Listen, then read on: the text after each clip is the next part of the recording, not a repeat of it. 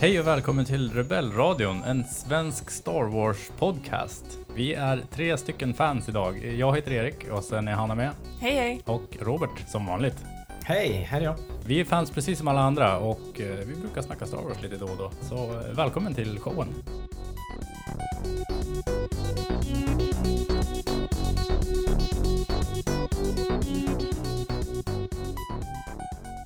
Ja, härligt. Härligt att vara igång. Det är lite höstlikt. Lite.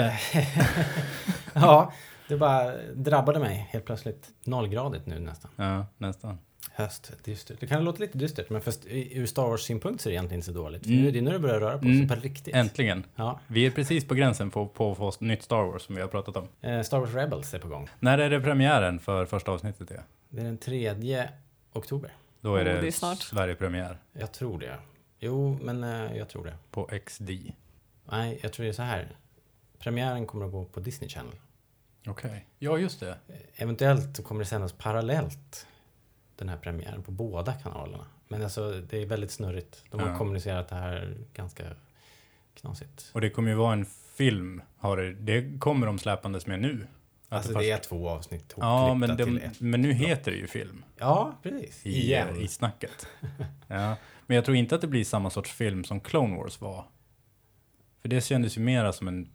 Eller? Minns jag fel? alltså Clone Wars-filmen. Ja, Den var ju också ett hopklippt eh, ark. Var det? Ja, Mm. var det. Den kändes ju mer storskalig, men det kanske den inte var. Eh, jag vet inte Så mer när i välgjord. Men nej, det kan inte är sant. de tog det beslutet. Ja. Men eh, det, var, det var ju... Uncle George tyckte att det här är ju så himla roligt. Mm. Let's do a movie. Mm. Vad känner ni då? Det kommer jättemycket eh, marknadsföringsmaterial Ja, det är och förhandstittare. Det känns som att man har fått sett hela första avsnittet. Ja, precis. Eh, De har släppt tusen små trailers och t-shirts. Så har ju nästan, Jag nästan trodde, du hade hela. en riktig, jag trodde att du hade räknat dem. De har släppt tusen. Nej, jag har inte räknat dem, men det är, det är väldigt, väldigt många. Personligen Ja. tycker jag kanske att de hade kunnat lugna ner sig lite med den informationen, de klippen som har släppts. Men å andra sidan så kanske det inte meningen att man som fan ska sitta och liksom verkligen titta igenom allt, allt, allt. Utan Nej. det kanske mera då är som små reklamsnuttar på Ja. eh, XD. Ja, Så, att, så att det kommer säkert bli en ganska rolig serie tror jag. Men första avsnittet kommer ju definitivt innehålla en hel del grejer vi redan känner igen. men alltså för att det vi har fått se ifrån de här förhandstittarna, det är ju lite, vi har ju fått sett vad som händer på marknaden ifrån hundra olika vinklar känns det som. Ja, visst. Och sen så har vi fått sett när det är stressigt i rymdskeppet. Mm. Och sen så har vi fått sett Ezra med en TIE Fighter-pilot. Mm. Sen är det väl inget mer va? Nej, man har sett lite det är lite uppror här och där. Mm. Och, nej, så... Det känns ju mycket Det- idissland i de här förhandstittarna. Ja. Ja, det är ju, vad kan det vara, fem minuter? Det är väl de där sju minuterna kanske som Ja. de har klippt om Ja. eh, i, på hundra sätt. Då. Så, Ja. så det finns ju mycket kvar. Och själva plotten är ju inte riktigt avslöjad. att- Vad känns bäst? Ja, det, det har varit upp och ner, verkligen. Något enstaka klipp har känts jättebra och, och ibland så ja, är det mera... jag är ganska likgiltig, för Mm. jag vågar inte skruva upp förväntningarna. Men vad, ser du fram- vad tänker du om Rebels som kommer att bli bäst? Ja, alltså, jag hoppas att eh, Imperiet kommer kännas farligt och att de kommer att jaga jedis och sådär. Ja. Du då? Ja, alltså jag har inte försökt, eller jag har försökt att inte sätta mig in i det för mycket utan är mera pepp på själva pilostavsnittet. Ja. Eh, Jag har visserligen sett många av dem men inte försökt analysera särskilt mycket eller gå in i det för mycket. Eh, Det som kanske har slagit mig hittills det är väl just hur Imperiet beskrivs att eh, än så länge tycker jag att de känns, det känns lite ovant att se så mycket piloter och motsvarande och se hur de är egentligen. För man är så van vid att se dem bara med hjälm och då blir Mm. de väldigt läskiga och opersonliga. Och här är det mera som Mm. vanliga människor. Mm. Eh, Så det är en lite annan vinkel på det än vad man är van vid. Mm. Och just nu är jag lite tveksam till det, men det kan säkert bli jätteskoj. Eh, Vi får se. Mm. Just det där förvånar mig lite faktiskt, att de visar Troopers utan hjälm. Mm. Eh, För jag trodde att nu, nu kommer vi från Clone Wars där klonerna har varit good guys. Och, och så drar man igång den här serien då som ska utspelas under den mörkaste perioden nästan. Mm. Då skulle de ju, man kan tänka sig att då skulle de behöva dehumanisera Mm. armén Helt klart. så att man kan ha, ha ihjäl dem utan att Ja. folk blir traumatiserade framför Fast TVn. Det var nog en poäng nu i att det, det ändå hänger ihop. Att, jag tänker att, att det här är någon slags stegvis övergång. att det skulle kännas lite konstigt nu när vi har blivit vän med klonerna att plötsligt göra dem, ja de sätter på sig en hjälm och då är de monster. Eh, Det här kanske blir något slags mellanting men samtidigt som du säger det blir lite märkligt nu när de ska börja ihjäl människor för i Clone Wars hade de ju ändå ganska lätt att de bara hade ihjäl droids i stort sett. Mm. Eh, Det kommer de inte undan Fast där längre. dog ju varelser, alltså eh, levande varelser, rätt så mycket till höger och vänster också. Sant. Fast de goda hade väl inte ihjäl, eller ja, good is a point of view. Men eh, klonerna och jedis, de hade ju ihjäl levande varelser, framförallt mot slutet. Om man tänker på bara Ja, jag tänker Mm. arken där, Mm. där de krossar glaset och kväver dem och Mm. har sig Ja. visirglaset. Då. Men för det man fått se när de, eh, när de tar av sig hjälmarna och det där, då får man ju se att de är ju liksom så här jättedouchiga. Ja, Alltså riktigt så här, de är dryga, dryga. stroppiga. Ja. Så det är, väl, eh, det är väl kanske, istället för att eh, avhumanisera dem, så visa att bakom de här hjälmarna där finns det minsann stroppar. Ja. Eller vad- Så därför ska de dö. ja, typ. Ja, Jag vet inte. Men det jag också funderar på är kanske just det här att det kan bli lite förvirrande just det här med att klonerna och stormtroopers, hur de hänger ihop. För jag Mm. minns ändå när, man, när jag såg de första filmerna, då brydde jag mig inte så mycket om vilka stormtroopers var. Eh, sen tittar man på prequel-filmerna och då helt plötsligt dyker klonerna upp och man tänker, aha, det är så här stormtroopers blir till. Mm. Sen så inser man att, ja vänta nu, de här åldras dubbelt så fort så det Mm. kanske trots allt inte är Ja. klonerna som är stormtroopers. Och det, men det är inte en självklar sak att liksom riktigt tänka på kanske, utan man, Mm. man tänker att aha, men de här klonerna fortsätter väl produceras och eh, de blir stormtroopers helt Jag enkelt. hoppas ju innerligt på att, eh, jag, eller jag tror, jag känner mig rätt säker på att de kommer att avhandla den delen någon gång under serien. Jag tror det. Alltså att eh, förut så var ni ju så här och så här, men nu är ni så här och så här. Mm.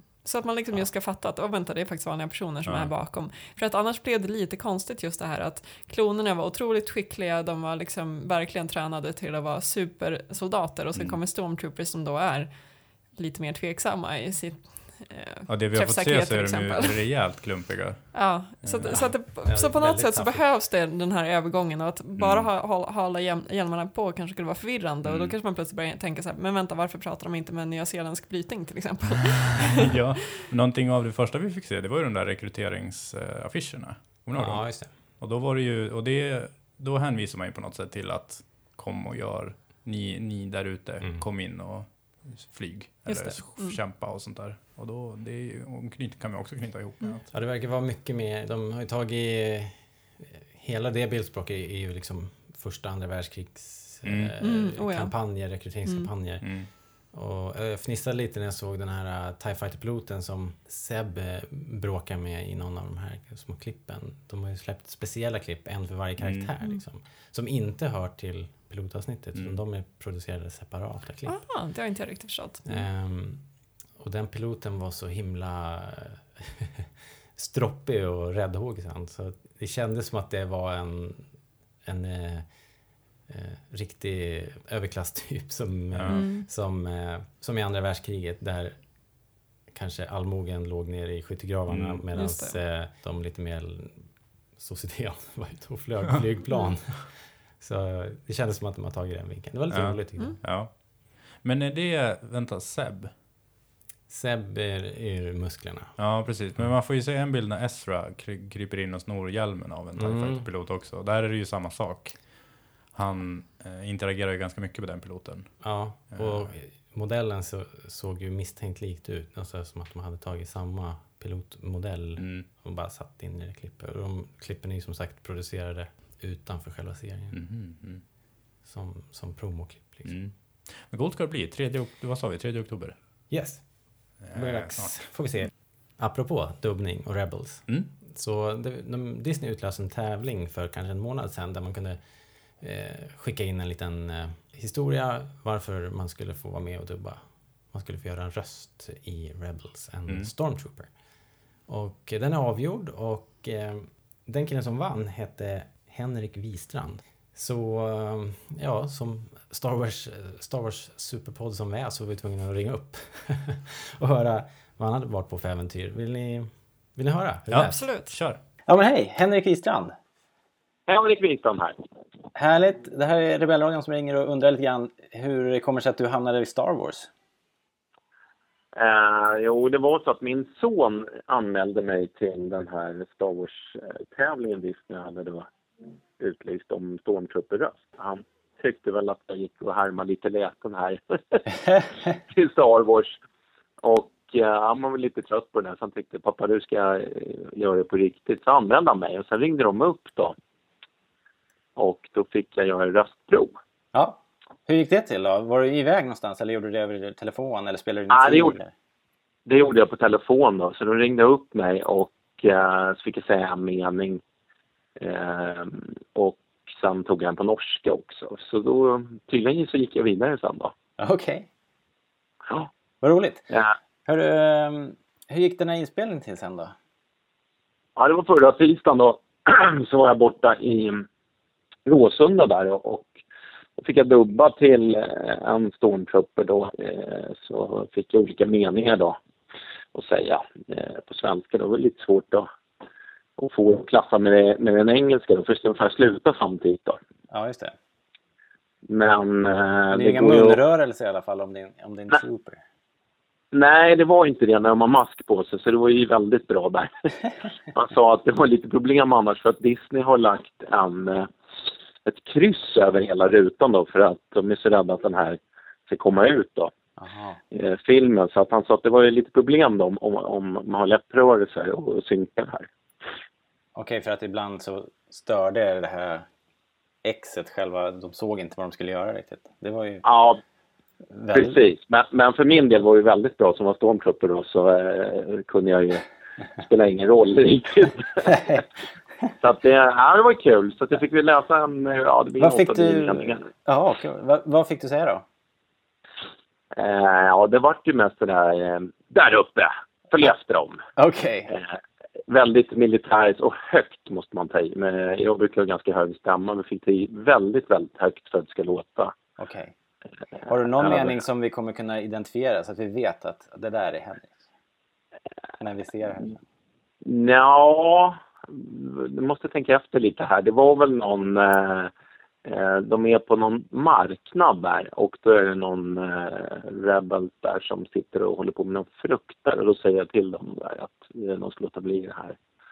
Ehm, så, men annars var det väldigt... Min gubbe var med i väldigt många scener, eller min stormtrooper då, så att eh, det hoppar lite. Okej. Hmm. Ja.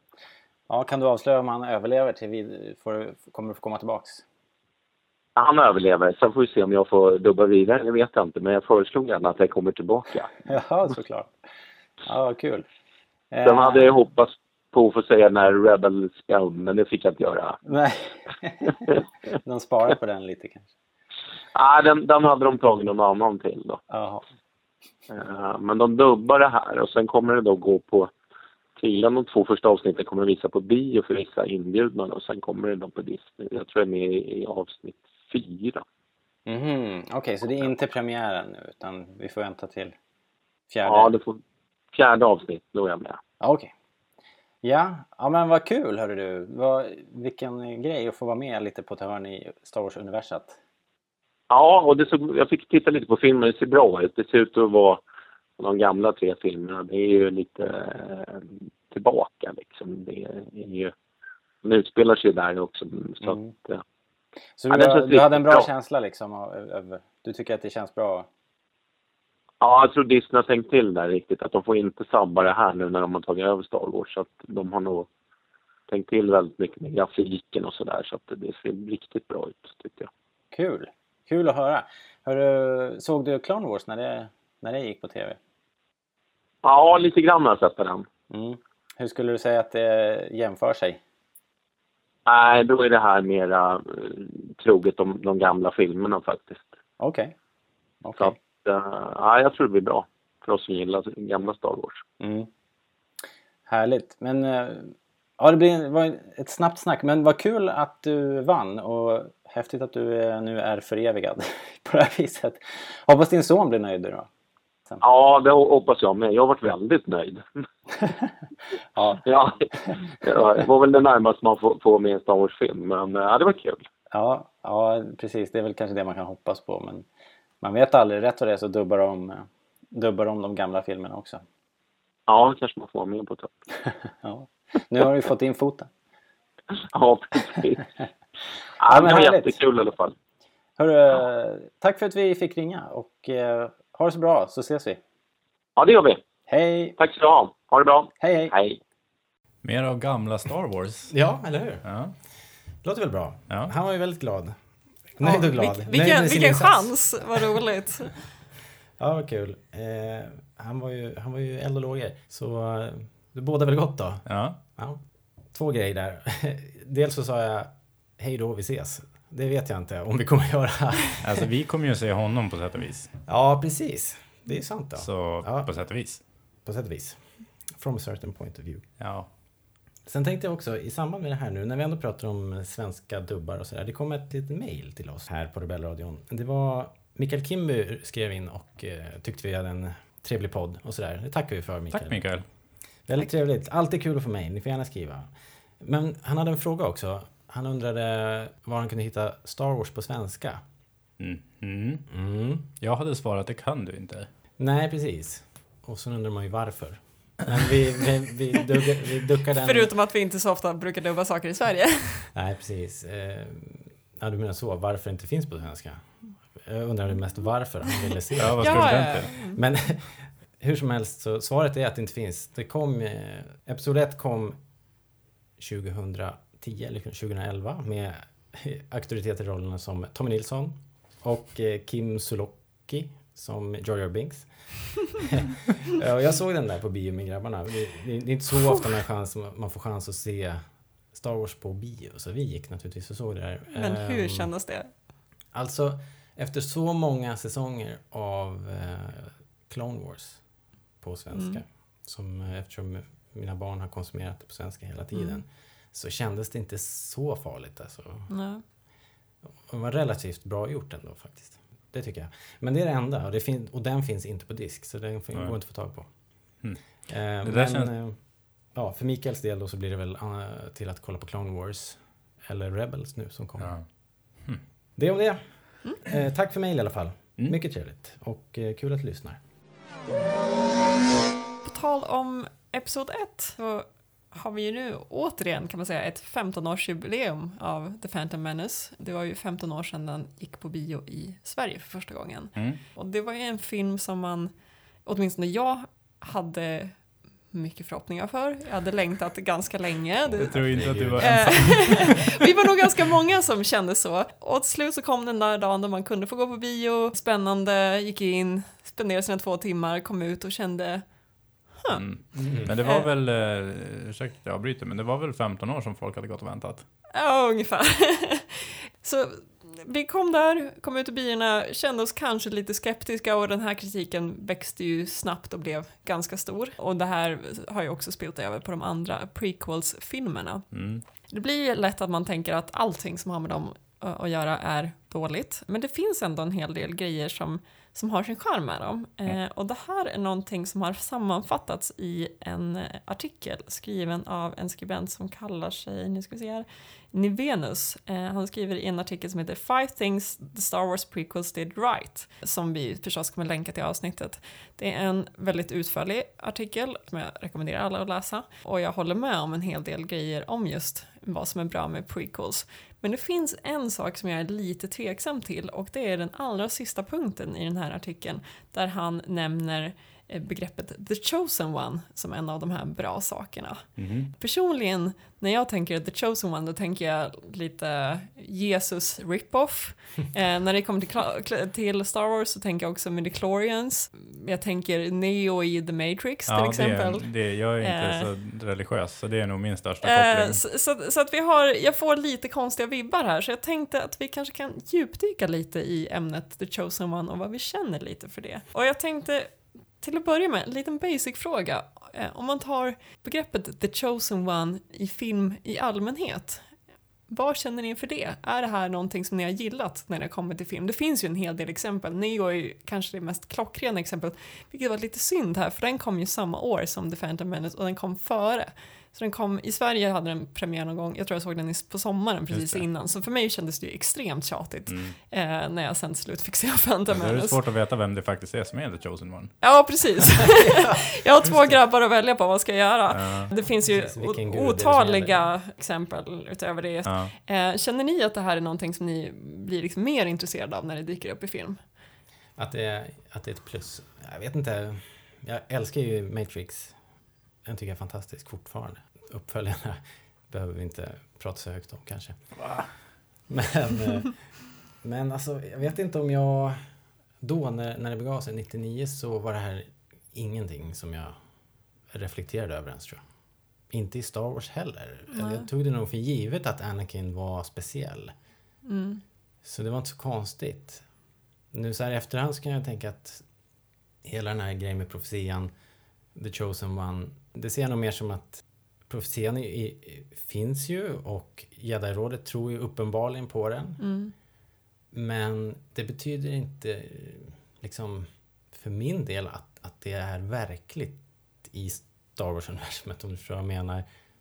Det kanske är någonting som Jedi-orden tror på, men det kanske inte är mer än så. Men gör de det?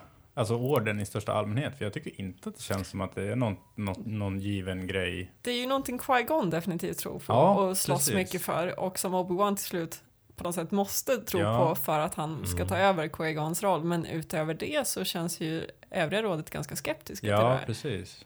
Jag tycker att hela grejen känns lite... Eh, jag tycker det känns som en konstig...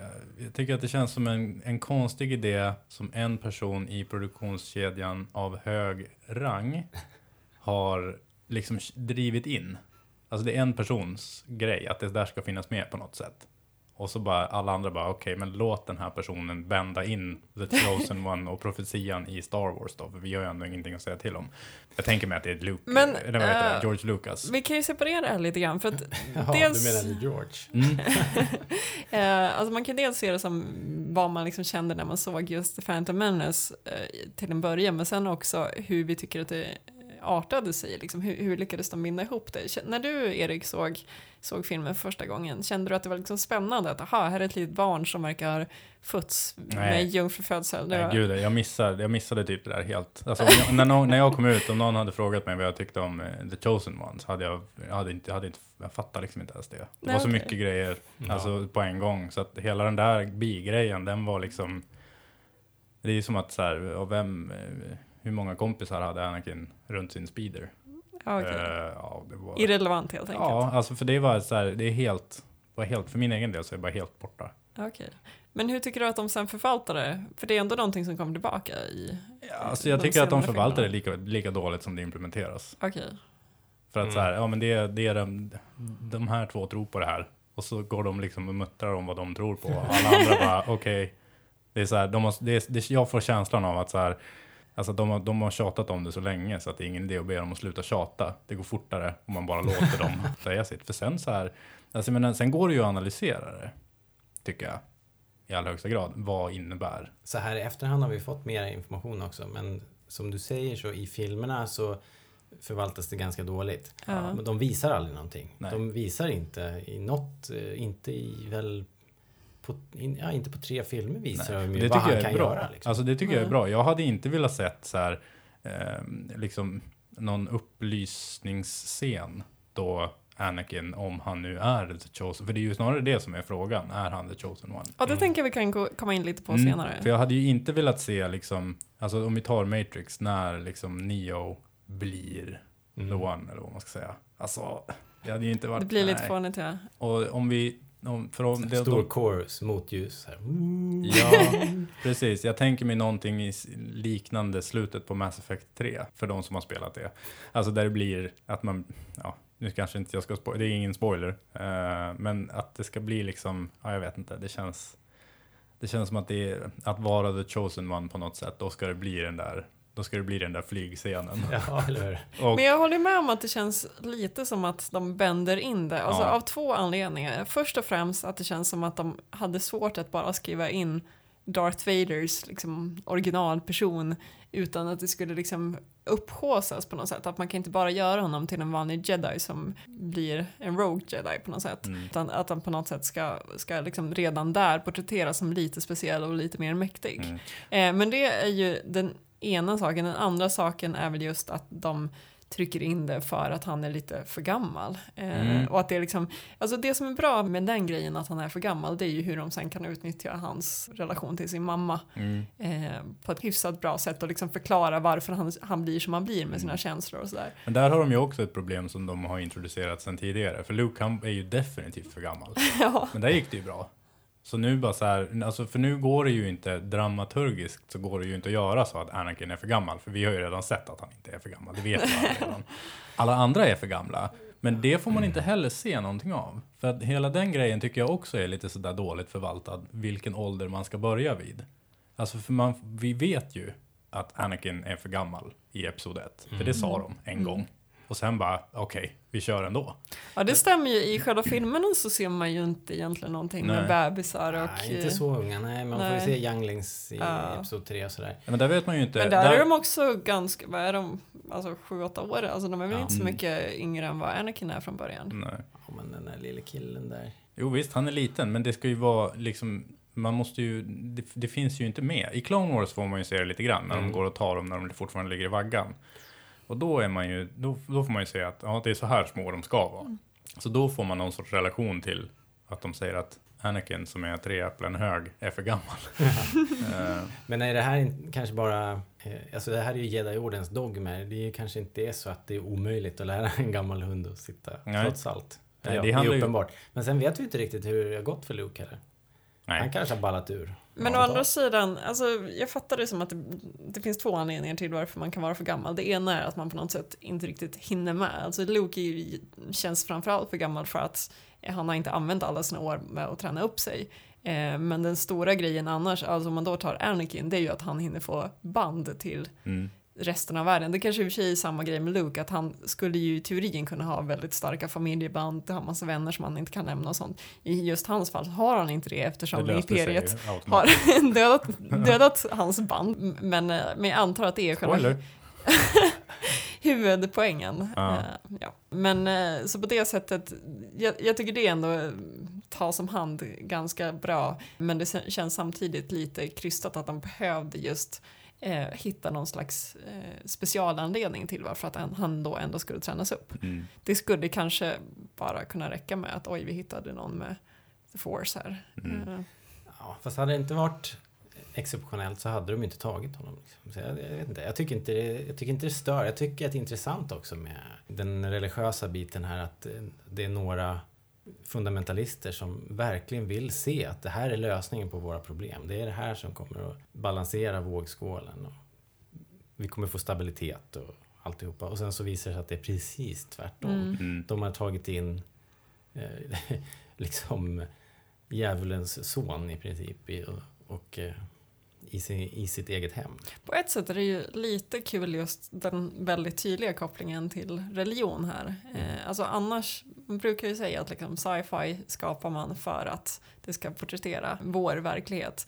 Star Wars är kanske inte riktigt sci-fi men jag tycker i det här fallet är det en av de få detaljerna där man faktiskt får den här känslan att nu, nu har de gjort någonting för att vi ska tänka till om vår värld och hu- hur folk beter sig med religion i vår värld. Just den saken, eh, det konceptet att koppla ihop eh, våran verklighet med eh, den påhittade världen Mm. och kunna betrakta sig själv genom att se någon annan, eller vad man ska säga. Det är ju en sak som prequel-filmerna gör betydligt mycket bättre. Oh ja. Ja, För absolut. att det finns ju massvis med grejer där man kan säga så här, nej men hallå, det här, den här ledningen är ju korrupt. Det här leder, och så bara, ja vänta nu. Ja, och all diskussion, precis, diskussioner med demokrati, Ja. eh, dikt, diktatur och hur ska man tänka, vad är smartast och Ja. allt sånt. Så att, absolut, det finns en koppling där och det här med eh, The Chosen One och profetior, helt klart en Mm. koppling att till religion. Så att egentligen, jag håller med, det finns, det finns någonting intressant med just att, eh, att de visar att det här, att, att lyda någonting helt blint kan verkligen gå överstyr. Ja, för där fick vi ju se, alltså där får vi ju se hur, hur en demokrati röstar in eh, Mm. odemokratiskt styre. Precis, låter det bekant? Mm, var har vi hört det här förut? Det var till och med så att jag tror att det var en norsk politiker som eh, citerade Star Wars rakt av här i, i val, val...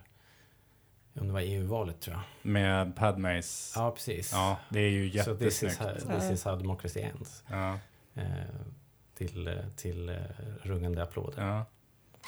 Du var ju inne lite också på det här med hur man ska tolka den här profetian. Eh, och det tänkte jag att vi också kunde spåna lite grann kring. För att som filmerna är gjorda nu, om man tänker dem allihopa tillsammans, alla sex, så uppfattar jag det ändå fortfarande som att det är gjort som att Anakin ska vara någon slags the chosen one. Men det här kan definitivt diskuteras, för det skulle också kunna vara så att eh, den bara just som, som vi var inne på beskriver liksom hur illa det går när man bara hoppas och tror att någon är någonting Mm. och så går det bara åt skogen. Mm. Eh, Men det finns ju liksom ett antal olika sätt man skulle kunna tolka den här profetian. Men vänta, eh, Ja. för att, eh, vi ska väl, vi kan väl gå igenom vad, först så kan vi gå igenom vad profetian säger. Och den säger väl att det finns en utvald, den är ganska kort.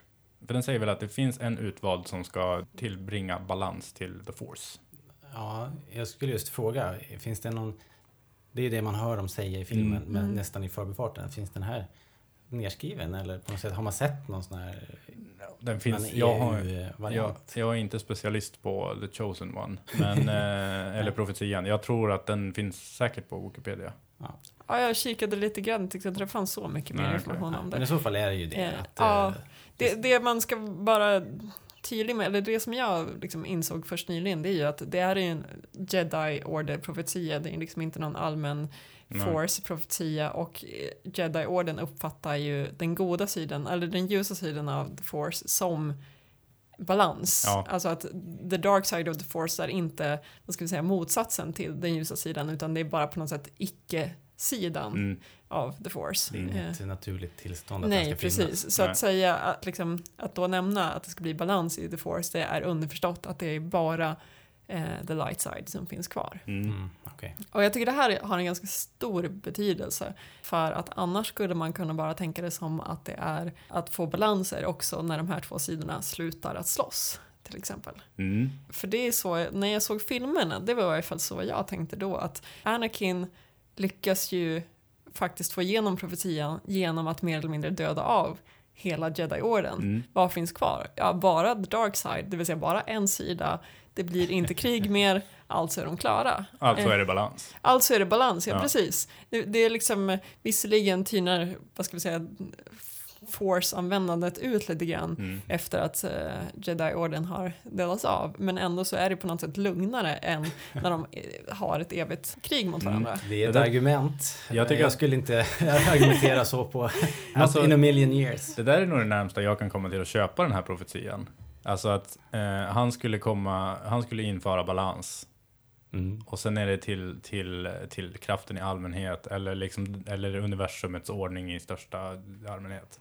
Mm. Och eh, när han efter Order 66 tar bort alla jedis, då är det ju balans. och då kan jag, alltså det är, nog, det är nog det jag tycker är intressant med hela den här profetia-grejen, att de kämpar för att eh, liksom eh, stärka den som, ska, den som ska införa den här balansen. Men det de inte fattade, det var att den här balansen var inte det de tänkte att den skulle vara. inte till deras fördel.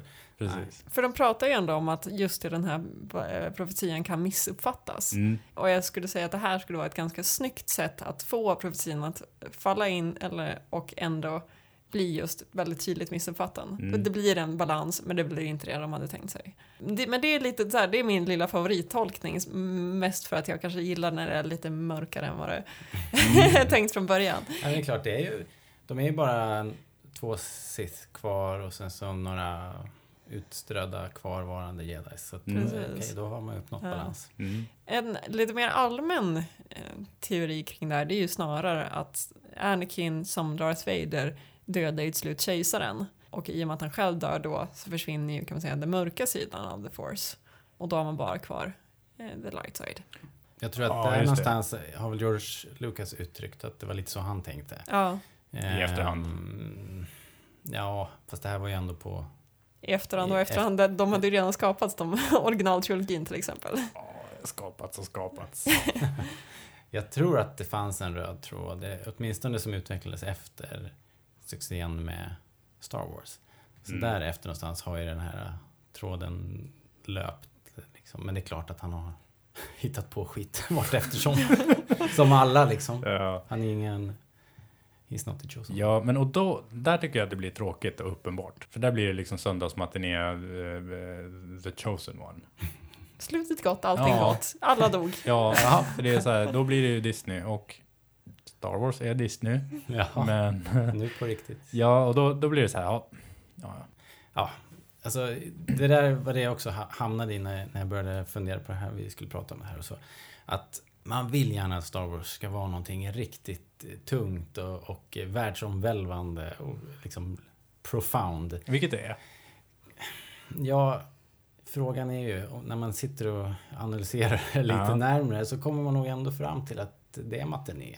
Ja, men, och, och en del paralleller kan man dra. Man kan se de här försöken att visa komplexa politiska skeenden och ett Mm. demokratis fall och så. Men, men att säga att det är djupt vet jag inte. nej, för där känner ju jag att alla Star Wars-fans är precis som Qui-Gon Jinn och Obi-Wan Kenobi. Vad det gäller profetian. Alltså att man ser ju precis det man vill se. Och sen, Oh ja. du kan ju Mm. prata och så här, ja nej men eh, pratar du med mig så är det så här, ja men Star Wars det är en teknikfest i rymdskepp. Mm. Det är det ju inte. Det finns ju jättemycket andra grejer. Men från ditt perspektiv är det det. Ja, för det är det Precis. jag ser. Och så här, ja men Big Starklight är en jättestor karaktär i Star Wars. Han har kanske två repliker. Jag är lite joker när det kommer till eh, den här djupheten. Och det är den här arken i The Clone Wars när det handlar om The Father, the Daughter och The Son. Mm. Eh, Nu snackar vi. Ja, eh, ni som kan saker bättre än mig, vad heter den här arken?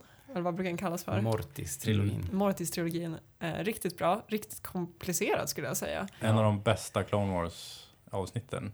Och det är Eh. stort för att komma från mig, tycker jag. För er- Som annars bara vill se rymdskepp. Ja. Och kloner och Ja. tanks och klivare. För Ja, er som inte har sett det här, det här, eh, det här är en ganska vad ska man säga, jag var inne på det, det, det är en ganska djup ark eh, där Anakin och Asoka och Obi-Wan hamnar i någon slags parallellt universum där force, the force är väldigt, väldigt starkt och det finns tre varelser där.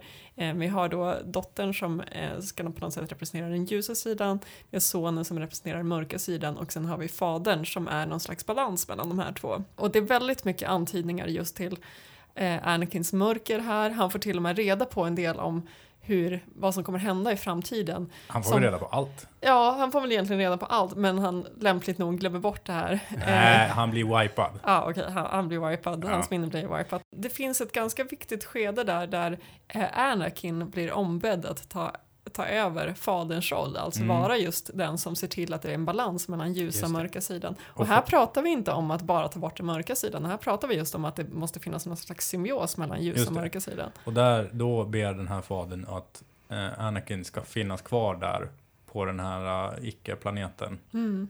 I det här mellantillståndet som inte riktigt är verkligheten. Och att han ska finnas kvar där för alltid. Ja, Och bara hålla de där två i schack. Mm. Det är ju, jag tycker att det är en riktigt häftig grej att han frågar. ja, Och då, då får man ju se att Anakin är den enda som kan göra det. absolut. Ja, precis. Där visar de ju vad han har för Ja. potential. För han, Mm. han kan eh, kontrollera de här två Mm. på ett väldigt påtagligt sätt som man Mm. aldrig har fått se annars. Nej. Och, men så är han ju Anakin självisk och... Ja, han har inte eh, tid att vara där. Han har ska ju tillbaka till sin ja, tjej. precis. Han, han har ju annat för sig liksom. Ja. Så uh, blev ingenting med det. Nej. Men där, om, man nu återigen liksom tänker på att, att man ser balansen som en blandning mellan det ljusa och det goda, då kan man också på något sätt förstå varför Anakin är så unik. För att han har inte bara gott i sig, utan han har också mörkt. Så det finns egentligen inte så många andra jedi som skulle kunna ta den här rollen, för de har för mycket gott. Mm. Och det finns definitivt inte säkert på många siths eller motsvarande som skulle kunna ta den, för de har för mycket ont. Ja, absolut. Det skulle också kräva en viss typ av person Mm. eh, om, om man ser det från, från den här då arkens perspektiv. Att man måste ha mycket av båda. Han lyckas ju då inte få balansen. Eh, men, just att liksom, man, man kan inte bara vara det ena eller andra. Mm. Ja, Eh. alltså lyckas. Han, han, han avsäger sig ansvaret liksom. Och det är ju där det går åt helsike egentligen. Ja. Jo men jag menar i allmänhet i, i liksom filmen att han, han, han har så mycket av båda att han blir helt uppslukad av det. Mm. Men det behövdes att han hade båda sidorna från början för att han ens skulle kunna vara aktuell. Mm. Jag vet inte, det kanske är att gräva ner sig lite i, för djupt i det, men, men, men jag tycker ändå Nej, att det det, det fanns ändå något slags djup i den här arken. Så att, så att eh, är det någonstans man vill eh, tänka att det finns någonting fint och någonting komplicerat i Star Wars, då är det väl ungefär här. Ja. ja, den är ju väldigt komplicerad och svårt att hänga med i svängarna där. Det finns... Eh, där, där är också nerlusat med religiösa anspelningar och Absolut. grejer. Liksom. Mm. Så vi sa det någon annan gång. När, var det när vi recenserade säsong 6? Att man skulle, man skulle, vi måste leta rätt på en teolog. En Star Mm. Wars eh, Mm.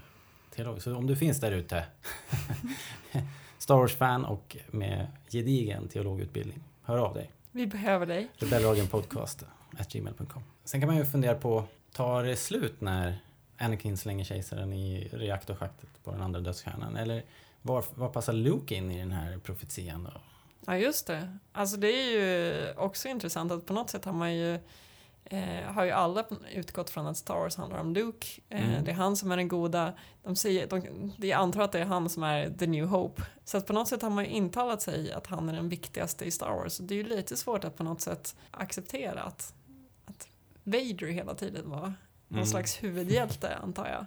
Jag själv känner inte att han alls passar in i den här profetian i och med att framförallt att det sägs att Chosen One ska födas med jungfrufödsel och det stämmer ju inte i det här fallet.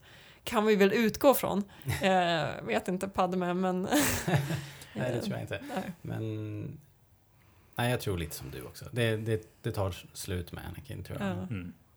Man kan också se det lite, alltså jag försökte att snegla på vad folk tänker på internet och att just profetian var menad för Anakin, han misslyckas men hans son tar över. Så att det hänger ändå på något sätt ihop. Eh, och att det är han som avslutar det genom att omvända Vader så att i sin tur försvinner då den mörka sidan i och med det. Superintressant ju nu när vi har eh, Episod 7 i antågande. Vad, vad, som kommer, vad, vad har hänt med Luke och vad, vad blir hans arv och vad är arvet efter Imperiet? Alltså jag tänker ju på att eh, there is another också. Ja, Hon manifesterar ju kraftkänslighet absolut. ganska rejält i, Ja, visst. eh, i episod 6. Ja, fem och också. fem. Hon eh, Ja. kan ju prata... Ja, så det kanske är de två som är balansen. Mm. För de tillförde ju, the chosen one was supposed to bring balance to the force. Jag undrar om de går den vägen. Men då skulle ju Jag en av det. dem vara... eh, En skulle dra sig till den mörka sidan då. Ja, det vore coolt. Jaha. Men det skulle vara svårt att se att Luke klev ner i det träsket efter att ha besegrat kejsaren med Ja. kärlek. Liksom. Ja, Så, och eh, det skulle vara svårt att smälta. Men du har ju en poäng också med hur det fortsätter. Jag menar, tittar man på EU så är ju den mörka sidan definitivt inte borta i och med att kejsaren dör för första Nej. gången. Mm. Men, och jag utgår ju från att det kommer finnas ett ganska tydligt hot även i fortsättningen som antagligen har force-anknytning. Det känns också väldigt osannolikt att de bara skulle skippa den biten. Ja, Eh, så att oavsett vad, även om vi på något sätt tänker att nu blir det balans i och med Anakin eller Vader dödar kejsaren eller någonting sånt där så, så är det ju ändå ett misslyckande. Ja. Om de bara, alltså om de inte ens kan lyckas hålla balansen igång i, vadå, 10-20 år, någonting 30 år kanske vi är inne i på episod 7, eh, då har man ju misslyckats känns Ja. som. Jag hoppas ju innerligt på att det ska finnas dark side force wielders i kommande Star Wars. Det räknar jag nästan med. Ja, det är svårt att tänka sig i Star Wars utan. Det är det vi har Adam Driver till. Än vadå? Adam Driver. Ja, eh, det är det man tror i alla fall. Alltså, ingen vet ju någonting än. Men, Nej. men ja, det glunkas och det finns lite rykten Mm. eh, som skulle, skulle antyda att eh, det är, är mörka krafter och någon sorts själslig kontakt med den eh, onda sidan. Mm. Alltså inte att man har en, fysisk manifestation, någon, någon kejsare som sitter på en tron, men någon, någon, något spöke som, som eh, lurkar. Mm. Ja, vi får väl se. För Adam Driver var ju sagt, eller har vi ju fått höra ska vara skurken Mm. eh, i Star Wars. Så det har vi ju räknat med. Är det uttalat officiellt? Det är, det är bara rykten. Det är bara rykten. Ja, vi vet ju inte vad någon ska spela Nej. egentligen. Så vi, vi- bara utgår från att han ser skurkig ut. Ja, Kul för honom. ett sätt att inte få Adam Driver att se skurkig ut, det är att sätta på honom en X-Wing pilotdräkt. Som vi har fått eh, se bilder på en person som sägs vara Adam Driver. Ja, jag såg den där bilden och det, det, Det ser faktiskt ut som det är han. Han har ju lite speciell eh, hållning. Ja, Så- han är ju lång och lite hunch. gänglig, lite hunchig, Ja. lite, lite kutryggig. Och jag, tänk, men jag, jag känner samtidigt det, så här att om man tittar på den här bilden och tänker på Adam Driver, Ja, då blir det han. då blir det Adam Driver. Så då är man lite Qui-Gon. Det var ju någon som hade sett en mörkhyad person som bara Åh, Boyega! Så här, Det kändes ju som att okej, okej. Om det var så att eh, vi var fortfarande på 70-talet och det Ja. bara var en token black i filmen så Ja. då kan vi dra den slutsatsen. Ja, men, men jag tror vi ska ta lite försiktigare än så faktiskt. Ja, det blir lite som med han som trodde att Samuel L. Jackson var gjorde någon reklam. Ja, just det. Som, Fick höra det. Det, vi- det vi kan säga är väl att eh, av de skådespelarna vi känner till just nu så är det inte så många andra som skulle kunna se ut som den här personen på bilden. Nej. Däremot finns det ju såklart otroligt mycket potentiella statister eller biroller Ja, eller småroller Ja, av alla slag. För de här att, bilderna som har läckt, de, de är ju från en, eh, en flygbas som ligger i England. Som heter, vad hette den? Kommer du ihåg det Robert? Greenham Common. Just det. Eh, En, eh, jag tror jag skrev att det var en gammal RAF-bas. Ja. Men eh, så här nu har jag hört att det är en amerikansk bas där de har förvarat eh, de här hangarerna vi ser på bilderna. Det är Mm. som kärnvapensilos. Just det. För som sagt, det är eh, hangarbunkrar ser det ut som. Mm. Med någon taxibana som ser ut att leda till en, någon sorts landningsbana. Eller, eller så kommer de bara Typ. starta skeppen rakt upp som de brukar göra. Och där får vi ju se massvis med bilder på nya, de här nya X-vingarna. På de här smygbilderna som är tagna. Mm. Och det är, ja, det är väldigt coolt. Den är ju riktigt snygg. Det har ju kommit massvis med bilder, eller inte massvis, det har ju kommit en del bilder på de nya, de helt nya sakerna till Star Wars. Även de gamla, vi har fått se saker som vi känner igen. Eh, och sen så har vi fått se en del nya monster och sånt där. Men vi har också fått se ganska tydlig ny, ett tydligt nytt formspråk i Star Wars med de sakerna som har läckt ut. Mm. Bland annat den här nya X-vingen och den nya Stormtrooper-hjälmen. Ja, du tänker på den. Den, den sticker ju ut. Mm. Stormtrooper-hjälmen sticker verkligen ut tycker jag. I övrigt tycker jag man kan ana Ralph McQuarrie och det är en färgskala som känns bekant. Och, ehm, jag tycker den här X-Wingen känns, känns som den ska. Jag tycker inte att den, den är inte uppenbart jättestor skillnad. Men när man går in och tittar på alla linjer lite mer frikopplat ifrån varandra. Bland annat framför allt nosens form Mhm. eh, och hur eh, X-vingens vingar går ihop. Och sånt där. Där ser man ju tydligt att den har en mycket mer modern formgivning utifrån om man tar till exempel moderna stridsflygplan, hur de är utformade. Mm. Det är mycket kortare nosar, som den här X-vingen har en mycket kortare nos. Och det är mycket så här halvställt liknande former. vilk, nu får jag bara, för att förtydliga lite grann, har vi inte sett flera bilder på X-Wingen här? Vi har sett dels lite icke-läckta, alltså inkluderade X-Wings i J.J. Abrams filmer. Ja, först så Eh, fick vi ju se en som läckte ut. Eh, och då svarade ju J.J. Abrams med att ställa sig och prata framför exakt den. Just det. I Ja. princip. Mm. Eh, men sen efter det så var det ju någon, först så var det en hobbypilot som flög över eh, och tog lite flygbilder i London bara i största allmänhet. Och sen påstås det att när han kom hem och framkallade de här bilderna, eller vad motsvarande då, då satte väl in Ja, eh, minneskortet i datorn. Ja. Då hoppsan, då ser han eh, en halv eh, Millennium Falcon och några X-vingar på, Ja. på en Har alla de här sett likadana ut? X-vingarna. Ja. ja. Det har de, okej. Så det är en design som de har. Mm. En rolig sak som du Robert märkte med de här bilderna, det var ju att nu fick vi ju se om man, om man tar, sätter näsan mot skärmen. Ingen av de här bilderna är ju särskilt bra. Eh, då får vi se någonting som ser ut som Astromex och det pratade vi väl lite grann om. att Ja, vi funderar, de jag, jag kommer ihåg när vi fick se den här videon med JJ Abrams att eh, man, man ser ju inte uppifrån så man kan inte se om den har en Mm. astromech. Men, men på de här bilderna som kom senare nu, flygbilderna då, där ser man ju att det sitter a- astromechs bakom piloten. Eh, precis som vi är vana vid. Mm, som det ska göra. Ja. Men angående det här, de modernare linjerna, så här, det är ingenting jag har reflekterat över förrän, förrän du säger det. De, de kanske är mera hämtade från flygplan och jaktplan och så. Ja, X- X-Wingens design från början är ju... Eh, den är ju den är mer från dragsters och bilar Mm, och, precis. och sådär. För det som, eh, det som jag tänker på allra mest, om vi jämför med Lockheed Martins F35. Till exempel. eh, om vi ska ta ett väldigt specifikt flygplan. Det kan ni sitta hemma, det kan sitta och bildgoogla eh, Lockheed Martin F35 och kika på den. Där ser vi klart och tydligt med det jag menar med modern, moderna formspråk. För att en F35s nos är betydligt mycket kortare än vad jaktflygplan ifrån, alltså alla jetflygplan som har funnits innan. Mm. Om du tittar på till exempel F15 eller F18 Mm. bland annat. Vingarna sitter långt bak och det är en jättelång nos och där längst på den här nosen så är det en cockpit. Men sen så har man ju, allt eftersom teknologin utvecklas så blir ju behovet av en lång nos mindre. Just det, man måste inte, man måste inte få in så mycket elektronik. Nej, man tjänar ju- är mindre. Nej, man tjänar ju ingenting på att ha en massa tomrum om det inte behövs för eh, aerodynamik då. Eh, och de här X-vingarna som vi fått se, de ser ju ut som att de fungerar mycket mer som ett rymdskepp. För att de har, det de har det är stora motorer Mm. och sen så har de stora kanoner. Men det är inte så mycket extra, den är inte extra lång som en dragster. Just För det. finns ingen anledning att den behöver vara så extra lång. Nej. Utan de har liksom knubbats till, så de, jag tycker att de ser mycket mer funktionsdugliga ut. Och vad, om man skulle göra en X-vinge, det är ju lite konstigt om man tittar på eh, ren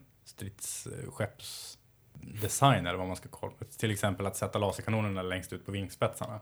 Jag tänkte precis säga det, det känns ju annars som att Star Wars är notoriskt dåliga Ja, på att men- designa skepp utifrån vad som är smart. Precis, men det här har de ju fortfarande fått designa det utifrån vissa satta regler. Mm. Du får ju till exempel, det man vill göra det är ju att sätta kanonerna så nära piloten som möjligt för då blir det lättare att sikta. Just För då det. blir det inte en parallaxförskjutning som Mm. det heter.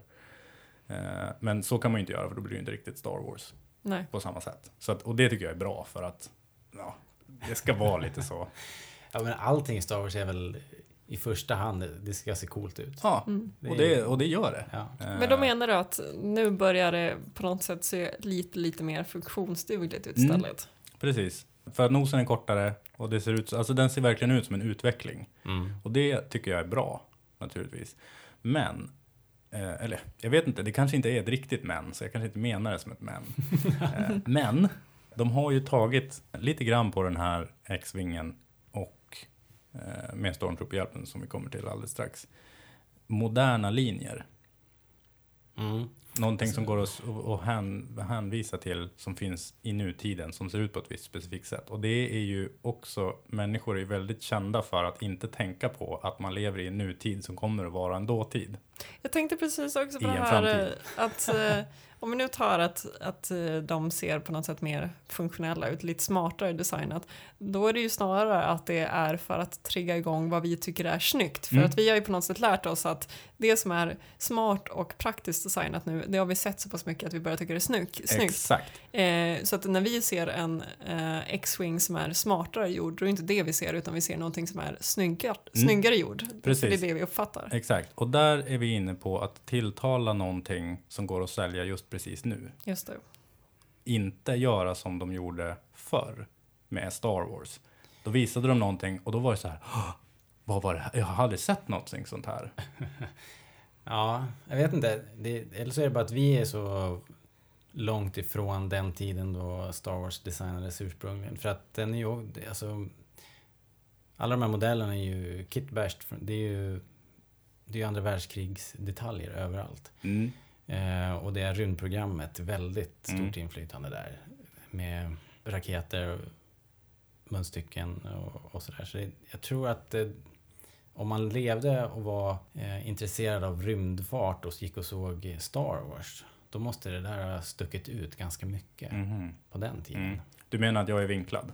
Nej, du är ett barn av din tid Erik. ja.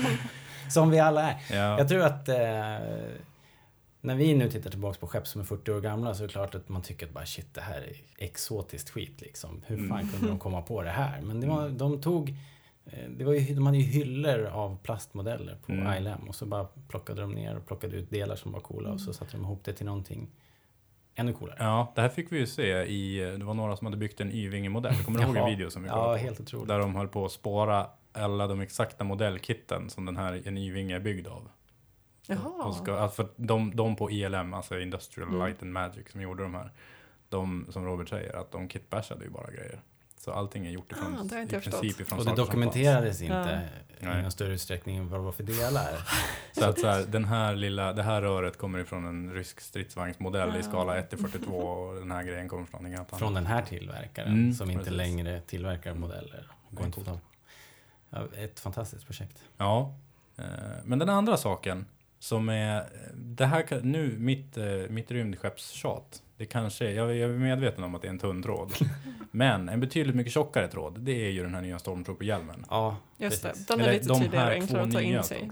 Ta till sig. Ja, det, det är konstigt det här med de två hjälmarna för det är bara en som tog skruv på något sätt. Det var bara Mm. en som, som fick riktigt stor spridning och det är väl den som ja, jag ser lite gymnastiksko ut. Ja, Men det hänger ju ihop med, eh, det går ju i linje med gamla Star Wars. Alltså att en Stormtrooper, du har ju en Stormtrooper på din t-shirt nu. Mm. Du har ju inte en Sandtrooper. Nej. Nej, en Snowtrooper. Nej. Så det kanske hänger ihop med det. Ja, för nu ska vi se, det är en stormtrooper och en snowtrooper Vad, som har vad som kommit. sägs vara Ja, det. precis. Eh, och det här, allting är ju också obekräftat på sätt och vis. Mm, Ja, Eller i allra högsta grad. Nej, men det är ju inte all, alls konstigt att stormtroopern är den som blir stor, för Nej. att det är ju den absolut mest ikoniska hjälmen. Och den är ju- förutom Vaders, Av de, här två, av de här två nya designerna, då är ju den betydligt mer tilltalande tror jag. I största allmänhet. Stormtrooper-hjälmen om vi jämför med Snowtrooper-hjälmen. Alltså jag tyckte ju den andra var coolare. Mm, coolare ja, men om du Mm. tänker i största allmänhet. Vad som Bland Star Wars gemena fans. man Ja, du menar så. Ja, coolt jo, jo, så är det såklart. För den ser ju ut som, den är ju verkligen, den här designen är ju verkligen ett barn av sin tid. Ja, Eh. man ser ju... Ja, den, den är oroväckande modern. Mm. Du sa att den ser ut som en gymnastiksko. Ja, Jag tänker eh, en av de tidiga iPhones, av någon konstig anledning. Ja, någonting det, sånt. det är någonting som får mig att associera till eh, Apple, tidigt Apple, eller Ja. tidigare Apple. Och jag tycker att den ser ut ungefär som eh, Audis. ja det är Formgivning. definitivt bildesign där. Eh, Det är någonting med de här fälten, de svarta fälten, un, liksom ner och under bakom ögat. Ja, precis. Det, Och det är, det är skarpa kanter som fortfarande är runda. ja, det är avrundade hörn, Mm. inga räta vinklar egentligen. Och det är väldigt 2010 tycker jag. Alltså nu är ju bil, den, den mesta formgivningen i världen är på väg ifrån det där. Men runt 2010 då nådde vi, då hade vi, eh, eh, vi kan kalla det för peak Audi. Peak out. Eh, då allting såg ut så här. Ja. Eh, alla tv-spel som kom hade samma, samma sorts grejer på allting som skulle se så här lite coolt ut. Ja, är inte Master Chief ganska mycket åt det här hållet? I, eh, Master Chief är lite äldre än det här. ja, men jag Eh, tänker att hans För han är ju, rustning är lite åt det här det är hållet. kul att du nämner det, för Master Chief Nu är det ifrån alltså Ha- Halo vi pratar om. Ja, Master Chief förlåt. från Halo-serien. Han är ju ingenting, ingenting som han har, eller på något sätt av hans, vad han ser ut, är ju originellt. Utan han är ju också en produkt av allting som var coolt just precis då. Ja, men precis. Och så har Bungie bara tagit motocross, det var väldigt coolt just precis då. Så var det, fanns det en boom med det. Så hans hjälm är ju liksom lite motocross ja. och guldvisir med liksom data på och så alla såna här saker. Så har de bara tagit det som såg coolt ut och så blev det Master Chief. På exakt samma sätt så tycker jag att det ser ut som att de har tagit alla former som ser bra ut och så bara produkten av det blev den här nya Stormtrooper-hjälmen. Mm. Jag har ju inte koll på hur bildesignen har gjorts på sistone, eh, men det som jag förknippar när jag ser den här, det är det här, eh, för några år sedan, jag vet inte om det var 2010, men för länge sedan så var ju allting som skulle se nytt och flashigt ut hade ju någon slags glossy eh, yta när det kommer till alltså, ikoner i Ja, dataikoner helt enkelt. Allting var superglossy hela Ja. tiden. Eh, sen så gick det på väldigt kort tid över till att allting skulle bli enfärgat och väldigt eh, stiliserat och platt. Eh, det är den här platta känslan, Mm. eh, som, och det, den ligger ju fortfarande kvar i alla, ja, titta på dina eh, app-ikoner på din mobil så kommer du se att allting är väldigt platt och enform, enfärgat. Mm. Eh, det är exakt vad jag tänker på när Mm. jag ser den här hjälmen. Mm. Inte allt för detaljerad, det är inte flashigt glossy eller någonting sånt, utan det är liksom enkelt och platt. Mm. Man skulle kunna tänka sig Johnny Ive som är produktdesigner på Apple sitta och prata i 35 minuter om den här hjälmen. och Ja, publiken skulle tyvärr. jubla. Ja, och då skulle, då skulle det låta ungefär som så att eh, design uppnår man efter att man har tagit bort alla element som inte behöver vara där. Bla bla bla. Och sen så blir det stående ovationer som inleds med en slow, slow clap. Ja, typ. This is what we do. This is why we do what Precis. we do. It's amazing. Och jag kommer ju naturligtvis att dra en parallell till den gamla Stormtrooper-hjälmen. För den tycker jag, och nu får ni stoppa mig här om jag har fel, men jag tycker att den känns tidlös. Tycker jag det bara för att jag har sett den så mycket. Ja, risken är att det är så. Alltså den, den är otroligt ikonisk. Mm. Precis som vissa andra saker i Star Wars, som eh, R2D2 till exempel. Mm. Den är ju otroligt svår att ändra på den designen Mm. och komma undan med det. Har vi ju sett några gånger nu. Mm. Så jag, jag, jag försökte tänka på det också om man tänker tillbaka när den där designades, vad den, vad den skulle kunna ha hämtat inspiration ifrån. Jag tror att det är... Den är ju... jag, tänker ju, jag tänker ju på liksom dykare och grodmän och så. Ja, Att, ja, jag tänker gasmaskar. Ja, Ja, precis. Alltså Andrew Ainsworth som, som gjorde den här. Eh, jag är inte helt säker på att han ritade hela grejen, men han har i alla fall gjort, eh, gjort den här rustningen. Eh, där är ju ögonen är ju väldigt lika en gammal, eh, en gammal rysk eh, gasmask Okej. som Mm. de använde. Jag tror att det var runt vid den tiden då det begav sig. Mm. Eh, någon, någon sån här kalla kriget, Mm. kalla krigets sak. Och så. Jag tycker jag ser lite konceptbilder här nu. Det är ju fan, Mm, fangjorda konceptbilder som du har letat upp och då, då tycker jag de funkar extremt bra. Ja, I det här att- sammanhanget när man ser dem ute i fält och de rör sig i, Precis. i, i lite eldstrid och lite... För någonting som är bra med den här masken, eh, det är ju att den ser betydligt mycket smidigare ut. Och om du tittar ur ett rent militärfunktionsdugligt perspektiv så kan du nog ta och fråga alla som är med i 500 First Legion hur lite man ser ur en stormtrooper. Ja. Eh, Så det finns ju ingen anledning till varför de ska ha så små ögongluggar. Nej. Eh, Det hänger ju ihop med att förr i världen så kunde man inte göra eh, skydd. Alltså man kunde inte få transparent, alltså glas Nej. som både skyddade och gjorde att du såg igenom det tillräckligt. Liksom. Så då blev det pytte, pyttesmå tittgluggar. Och därför är det pytte, pyttesmå tittgluggar i Stormtrooper-maskerna. Men nu för tiden så kan man ju göra betydligt mycket eh, liksom bredare synfält även om man vill skydda ansiktet på soldater eller vad det nu kan tänkas vara. Nu är ju fortfarande inte heltäckande ansiktsmasker någonting som är... Men i Men- den här masken, tror du att, tror du att liksom själva glasögonbiten, själva linsen, är den verkligen större? Ja, lite större. Okej. Jag har alltid uppfattat som att de bara har någon slags, vad ska man säga, Google Glass motsvarighet. Alltså att de bara har en dataskärm på insidan. Att Eh, ja, det tänker jag också. Det måste ju vara någon så att, sorts det, enhanced... att, att eh, ögonen mera är där som någon slags Det är någon sorts prydnad. kameror. Ja. Ja, mera, mera som kameror och att, att det inte är för att titta ut. Mm. Det där är ju en sak som är... Okej Google Glass. Okej Precis. Stormtrooper helmet. Ja. Det där är ju en sak som vi fick se ganska mycket ifrån eh, i spelet, alltså med allting som har med klonerna att göra. Har vi fått se ganska mycket av det där. För då, då har de också en, en sån här, ett, ett väldigt bra UI. På, I, I hjälmen? Har man fått se det? ja, i Republic Commando-spelet bland Ah, annat. okej. Och på lite andra såna här saker. Sen så finns det ett gammalt spel som heter Rebel Assault 2. Mhm. Där, nu är ju det väldigt långt ifrån vad som faktiskt gäller. Ja. Eh, Men där får man se det filmat lite grann utifrån eh, Stormtroopers masker och då har de till exempel night vision och lite sånt där. Alltså det borde vara så. Det känns Ja. ju helt eh, rimligt. Ja visst, jag är helt tycker, med jag tycker vi kan bestämma att det, är, att det är så. bestämma. Men när jag fick se den här masken, eh, Stormtrooper-masken, då tyckte jag att den kändes lite tråkig för att jag tyckte att de kunde ha gjort någonting betydligt mycket roligare än så här. Men precis som du säger, när man får se dem i ett sammanhang, eh, alltså de här eh, fanskisserna, då köper jag dem Mm. rätt av. Det finns bara en, Jag ser i och för sig nu när jag kollar på dem att han har ju den här artisten som är ett fan som, som ni och vi.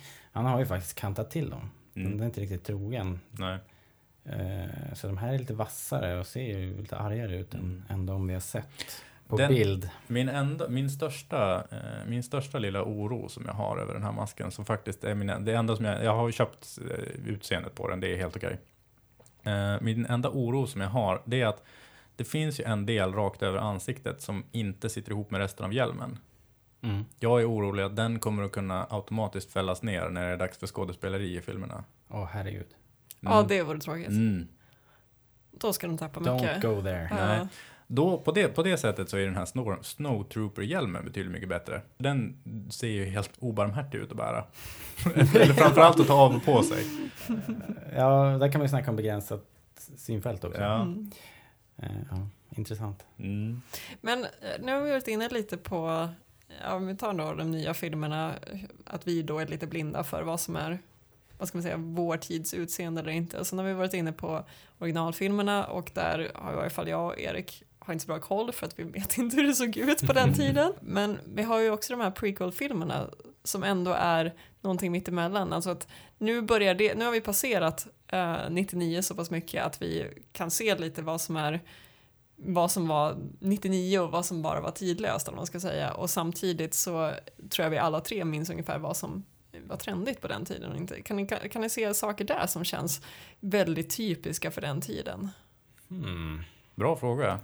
Alltså, det vet jag inte om jag har någon sån på lager, men det som prequels gjorde bra, som vi var inne på förut, var bland annat var att de expanderade den här världen så otroligt mycket. Mm. Vi, vi fick en hel värld. Det var Mm. otroligt mycket design i alla fall, det kan man ju säga. Mm. Städerna kan jag tycka ser eh, lite lika ut. Alltså, de rör sig ju mellan tre, fyra olika... Men de, alltså, det kanske är framförallt molnstaden och Coruscant som, som är lite för lika i design. Men å andra sidan finns det andra bra exempel som Naboo sticker ut som en egen. Ja, men det finns... Jag vet inte. Jag tror att... Eh, jag tror att George Lucas ville ha det till en... Att det skulle vara ett ordentligt steg tillbaka. Att det skulle vara liksom en, en romantisk oskuldsfull tid. Därför Mm. är det det här lite mera polerade och... Mm. Naboo och- känns ju väldigt eh, ja, polerat. De här, om vi tar skeppens uh, Mm. strömlinjeformande silverskepp tycker jag inte känns så modernt längre till exempel. Att det var på något sätt, det var den här flashiga, eller vad heter glossy-ikonen som just fanns det. tidigare. Den Mm. är Naboos. Allting var Eh, som en glaspärla. Ja, precis. Ja. D- Där allting bara skulle vara smooth. Jag tycker att eh, den första eh, varianten av klonernas rustning, den tycker jag känns väldigt 90-tal, slutet 90. Kan du förklara? Alltså de har ju, ehm, de är ju visserligen, de är ju inspirerade av Mandalorian Armor, Mm. alltså Boba Fetts hjälm Mm. typ. Men de har också en väldigt tydlig eh, liksom inspiration av vad jag tycker känns någonting väldigt japanskt. Ja, Okej, lite samuraj. Okej. Känns det. Nej, utan snarare japansk popkultur. Jaha, ja. Alltså jag ser eh, The Rocketeer och så här 20-talshjältar i den här eh, hjälmen och så med den här flärpen bak. Ja, ja precis. Den, den- är ju, Mm. den är ju, det har du rätt Mm. i. Den Den, är ju- väldigt, eh, Den, det har jag alltid tänkt. Att, Ja. att det hänger ihop med det. den känns väldigt tidigare. Och också lite så här knasig, knasig hjälm, såna här som peakhjälmarna som Mm, eh, Habsburgs piken liksom. mm, man har någon märklig hjälm. Så Mm. det här är alltså en, ett spröt på hjälmen. mm. Men och sen så eh, gick ju klonernas hjälmar till att bli väldigt mycket mer lika Stormtrooper-hjälmarna i deras andra version som de har i Episod 3. Mm. Och nu, eh, sen blev det Stormtrooper som vi känner dem och nu så blir det det här. Och de här nya hjälmarna de kom, och den här nya designen, den kommer ju fortfarande att stå sida vid sida med saker som vi känner igen. Vi tar till exempel Millennium Falcon som vi har fått se ska vara med. För den kommer ju att vara med precis som om ingenting har hänt. Mm. Och den i tiden så är ju, alltså jag menar den är ju gammal redan i Episod 4. What the Eh, What a piece of junk! Ja. Ja, det är intressant. De, om, ponera nu att den där har gått i arv. ja. Så måste det ju ha blivit a little bit of special modifications. Ja, Så att den kommer nog kanske inte vara hundra som vi kommer ihåg den. nej, Lando kör ju till exempel av parabolen. just det. Så han måste ju ha skaffat en ny parabol. Jag minns ju när jag såg eh, Episod 1 att jag blev väldigt förvirrad för att det kändes som att designen var så pass mycket modernare än Mm. vad vi sen får se i originaltrilogin. Nu Ja. finns det ju såklart förklaringar, då är det liksom ett förfallet, förfallen galax, eller vad man ska säga. Men, men det kändes just som att de gick bakåt i tiden när det Ja. gäller modernisering. Men det Så där, att- det där får man ju köpa som Ja, tittare. ja absolut. Men, men just att liksom allting är Ja, lite graciöst eller jag håller, med, jag håller med dig. Jag tycker det kändes som att de hade gått lite överbord med det där. Ja, Mm. för Jag att, det, det som du menar kanske är mer att teknik och missiler och så här, man får se skärmar med mållåsningssystem och grejer som... Att den biten tycker jag är svårare att smälta då. Och, faktiskt, den, den tycker jag inte man ska behöva köpa heller. Men och sen tycker jag att de tog designen ett steg för långt liksom. de hade kunnat göra det lite mera vad ska man säga, skräpigt eller robust eller vad man ska säga, kanske snarare ska, lite Ja, kantigare. Det här used universe som vi Eh. tjatar om. Jag håller inte med alls, för det är ju precis det det inte ska vara. Alltså eftersom att det här var när republiken frodades, Mm. eh, då man prioriterade dyrbara, alltså kostsamma saker på allting. Eh, de, hade, de hade dyra skepp som var väldigt, liksom, om vi tar de här skärmarna som du nämnde, Mm. och missiler och allt sånt där.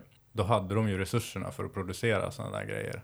Och då hade de en annan prioritering, för då gjorde de, dels så kunde de även göra fler, men de, alltså de kunde göra många högkvalitativa saker.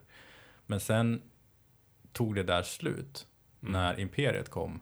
Och då blev det så att det inte fanns några resurser för att göra de där grejerna längre. Tycker jag ändå steget är för långt, tyvärr. Alltså, när, när man ser eh, rebellalliansen slår tillbaks i Jedi, då är det en väl utrustad rebellallians som, som har kommit ikapp och har top of the pops. Eh, och till och med om du kollar in i Imperiet då, som äger och liksom förvaltar allt. In, inte ens i deras Star Destroyers ser du ju eh, instrument som är så flashiga som man Nej. ser i prequels. Alltså det är jag Så med. det, så de, har, de har liksom bara skruvat den där fräsighetsratten till tian. Liksom. Ja, alltså för det var ju, det är ju förmodligen för att nu, de ville ju verkligen göra det på sitt sätt liksom. Ja. Eh, och inte behöva använda eh, olikfärgade De skulle ha gjort det på plastfilmer mitt och, sätt. och liksom ficklampor för att göra en dataskärm. eh, det jag har svårare att köpa med de där sakerna, det är ju till exempel om du jämför Obi-Wan och Darth Mauls lightsaber-scen Mm. i Episod 1 med Obi-Wan och Darth Vaders lights, lightsaber-scen i Episod 4. Och det är ju så här, Pratar vi tempot nu, eller? Alltså, weak, vi, vi pratar i största allmänhet hur det ser ut. Och det är ju så här att i Episod 4, och det här finns ju med i lite sådana här bakom scenerna eh, filmer, att i Episod 4 så regisserades de att håll en lightsaber som att det är ett tungt tvåhandssvärd. Mm. Och sen efter att den där filmen hade kommit, då bara, "Ah, nej just det, jag håller den i en hand istället, det blir Mm. lite coolare. Och då har de bytt. Alltså, och det är bara så här, det är så skådespelarna har blivit regisserade. Eh, för att under, även under inspelningen av originaltrilogin så kom de på att uh, lightsabers kanske inte ska vara tunga. Men, men, men, men i Episod 1, Mm. eh, kör Obi-Wan enhandsfattning där? Nej, det gör han väl inte? ja, ja, det är jag kanske Nej, inte men det är säker ju på. eh, Men du ser ganska ju att en smidigt, uppenbar... hela Ja, precis. rörelsemönstret känns ganska snabbt och Ja, ja, det ju- ja, vad ska man säga, det känns ju inte som att de är tyngda av sådana här svärd Alltså till exempel. tänk på den de scenen behöver inte när, gå långsamt mot varandra till Tänk på den scenen när Darth Vader och Obi-Wan fäktas med varandra och Darth Vader går och håller sin lightsaber i båda händerna och liksom duttar lite grann. Ja. på Obi-Wans lightsaber, han backar lite grann. Ja. Eh, Det är ju inte de där, eh, det är inte samma akrobatik. Nej, det är det inte. Så vad hände där? Ja. Jag har en förklaring på det du tyckte var dåligt. Nu vill jag höra din förklaring på det jag tyckte var dåligt. Ja. De blev äldre. ja, det var att Alec Guinness var 60 plus. Ja, precis. Det är. Eh, det är väl en förklaring Men kanske. tycker du då att de skulle ha gjort lightsaber-scenerna stelare under prequel-filmerna? Nej, bra fråga. För att liksom hålla det äkta Star Wars? Ja, precis. Nej, man tyckte nog att den där fäktningsscenen tyckte jag nog redan som barn var lite mossig alltså. Ja. Sen var det ju coolare i Empire direkt.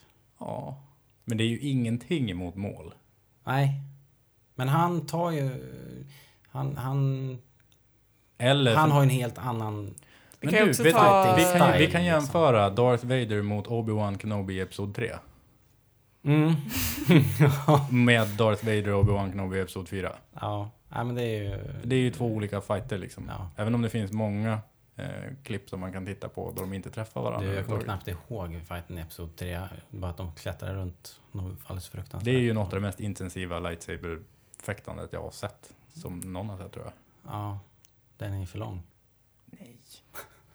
En annan sak nu, om jag får bara gå tillbaka lite grann till Självklart. eh, prequels, eh, hur pass daterade de är. Det jag tänkte på då och som jag ännu mer tänker på nu, det är egentligen inte en, en särskild form, men just valet av datoranimerat blev ju, det exploderade ju Mm. i Episod 1 eh, och det känns framförallt nu väldigt daterat. Alltså att man älskade alltså CGI då Mm, på ja. 90-talet för man hade precis lärt sig och det var så fantastiskt Ja. häftigt och man kunde liksom inte sluta med det. Det var som att man bara började kladda på det överallt liksom.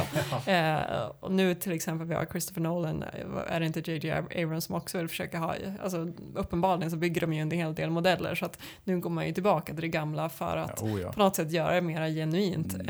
Eh, för att nu ser våra ögon vad som är datorn mer att för 15 år sedan så var allting så pass nytt att vi kanske inte riktigt kunde fatta mm, hur de hade gjort grejerna. Ja. Eh, men vi är lite för duktiga på det nu Alltså det finns ju också den här, eh, det finns ju, där kan man ju säga också att det- det är konstigt att de väljer att göra så nu när det går att göra det så pass verkligt. Dels så har det ju blivit, det har ju i största allmänhet i filmvärlden så har det ju blivit någonting fint att använda riktig rekvisita och någonting fult att fuska och ta 3D-modeller. Men eftersom att Alltså 3D-modelleringstekniken har ju blivit bättre och bättre och bättre. Men allt eftersom den blir bättre så ser det ju mer overkligt ut. Eftersom att då är man ju inne i vad som brukar kallas för the uncanny valley. Vet ni vad det är för Ja, någonting? ja precis. Man brukar prata om det med... Alltså det har att göra med en död blick. Alltså man kan göra någonting väldigt levande och ser perfekt ut. Men det är någonting som inte riktigt lirar. Precis. Eh, och det ofta kan det väl vara med människor då att man ögonen st- stämmer inte. Ja. Och då blir man liksom rädd för bilden. Precis. Alltså att du har, om jag, om jag tar en ballong och målar två ögon och en mun på den. Då kommer du att kunna, kunna knyta an ballongen. Men om jag har en, en liksom, en utav dem, om man tittar på robottekniken, det är de, de pratar ju mest om det här. Där kan de ju få den att se extremt verklig ut. Men den kommer du aldrig att kunna se som någonting annat än ett hot. Nej. Och att den kommer alltid att vara läskig, konstig och någon, det är någonting lurt med den, man vet inte vad. Och då är man ju borta vid att eh, då, finns det, då är det ju de här sakerna som fattas för att det ska vara anknytningsbart. Mm. Man ska säga. Ja, det, det är inte riktigt påtagligt helt enkelt. Nej. Apropå påtagliga saker. Vi måste bara... De hade ju ställt upp Falken på Greenham Common. Mm. Och eh, precis som när bilderna av den här X-vingen läckte ut Mm. så tog ju produktionen tillbaks liksom narrativet, släppte en jättefräsig film med en X-vinge.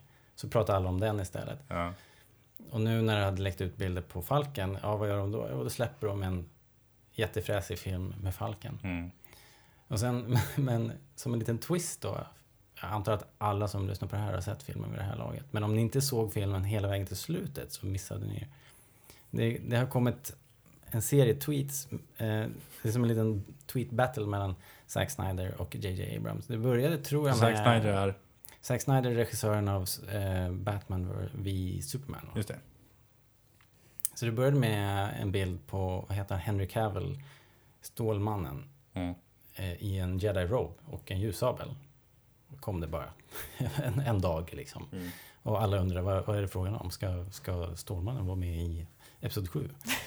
eh, internet rockade Batman loss. versus liksom. eh, Superman versus Stormtrooper, ja. Ja, eh, ja, ingenting är eh, omöjligt på nätet. Så, eh, och då, det var lite lattjo bara. Och då svarade JJ med att släppa en Batman-bild. Batman sitter sådär ikoniskt på taket och blickar ut över Gotham. Bara det att det är 3PO Just det. som tittar fram under, under masken. Sen kom det en bild på eh, Gotham Finest. En polisbil liksom och så har de arresterat en stormtrooper som de liksom trycker ner huvudet på och ska skjutsa in i baksätet på polisbilen. Och nu svarade då, i, som de sa häromdagen i alla tiders mic drop, JJ släppte den här bilden, eller filmen på Falken. De- De panorerar ner, man är väldigt nära Falken, otrolig detalj, man får se det här fantastiska bygget. Jag fick ståpäls liksom. Mm. För mig som tillhör den där generationen så är det eh, gåshud liksom. Och musiken är eh, den här Binary Sunset trudelutten. Men sen så panorerar de vidare, glider in under Falken och då helt plötsligt så glider musiken över och blir, eh, är det Zimmer som har gjort Batman-scoret Mm blir Batman-musik och sen så helt plötsligt tittar man in i en, en sån här brunn under Falkens. Så vad är det man ser för någonting? Helt plötsligt så får man se att där sitter en liten modellbil, en Tumbler från förra En Batman-filmen. Batmobil. Ett otroligt fanboy moment. Ja, Mm, och det är ju, det är ju deras, eh, deras sätt att använda hela den här internetmaskineriet för att roa sig lite grann. Ja, känns som att... Och för att promota sig själva väldigt effektivt. För att det här Mm. Och är så pass humoristiskt att folk kommer sprida det åt alla håll och Precis, kanter. det är gratis reklam. Och det är bra gratis reklam. Det är kul. Mm. Eh, alltså för att nu, tack vare de här, så är det ju fler som vet om eh, nya Batman Mm. via Superman. Och Precis. Ja, de vet väl om Star. Jag vet Det blir en sorts korsbefruktning här av två enorma, de Ja, två största projekten. det jag tyckte var konstigt med den här, det var att de tog Tumblern från den förra Batman-serien. Det var väl, spring ut och köp en Tumblr. Ja, men de kunde väl... Åk till Toys R Us. Kom igen, de kunde väl ha gjort någonting. Ja. Vad skulle, du- vad skulle du hellre sett? Ja men de, alltså de kan, nog hinner de 3D skriva ut någonting som ser ut som den nya Batmobilen. Det tar ju flera dygn 3D-skriva ut en sån här. Nej. Ja, ja. Jag tror att de Jag tyckte det var supercoolt. Det var riktigt roligt. Men eh, jag hoppas de plockar bort den sen när de var klara. Den, eh, man vill inte att Falken du- ska åka omkring och vara besudlad med den. Fan, vi glömde ta bort den här. Ja, det kommer vara en sån här Hasbros limited edition eh, Ja, leksak med Batmobil på. Det kom ett mail till. Eh, Det är alltid kul när folk hör av sig. Och det var en kille som heter Hasse. Jag har inte något efternamn på dig Hasse. Men det är kul att du skriver. Kul att du ställer frågor. Du frågade eh, om vi hade kollat in, om vi hade sett ett projekt på nätet som heter Add One's Star Wars Revisited. Det här är ett eh, otroligt ambitiöst eh, projekt som går ut på att editera och klippa om Star Wars. Mm. Men liksom inte bara så att man klipper bort eh, scener man inte gillar eller byter ut eh, någon CGI-snutt eller så. Utan de tar det till en otroligt hög nivå. De eh, bygger modeller, scenerier, de bygger liksom faktiska eh, dekorer och ersätter, som de då tycker, är inte helt perfekta glasmålningar och sådana där saker. Eh, De gör färgkorrektioner, fixar ljud.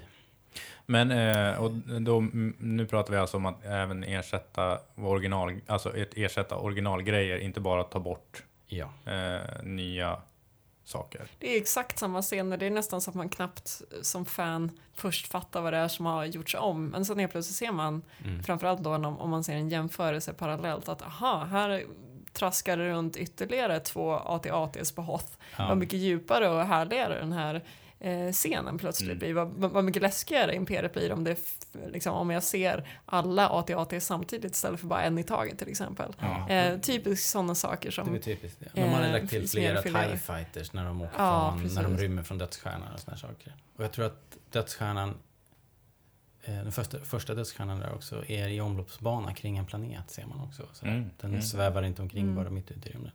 Så ja, han undrade lite grann vad vi tyckte om det här. Så vi tänkte vi, vi kunde, kunde vi kanske bara gå laget runt och säga vad vi tycker. Har ni sett några såna här edits, fan-edits? I största allmänhet? I största allmänhet? Ja, Alltså utöver min egen. Din egen? Utöver Just min det. egen så har jag inte sett någon. Nej. Eh, Ska jag- du förklara vad din egen handlar om först Ja, alltså min, det, ja, det är ju bara att jag klipper bort allt som är onödigt. Så att det är bara en enda lång stridsscen i princip.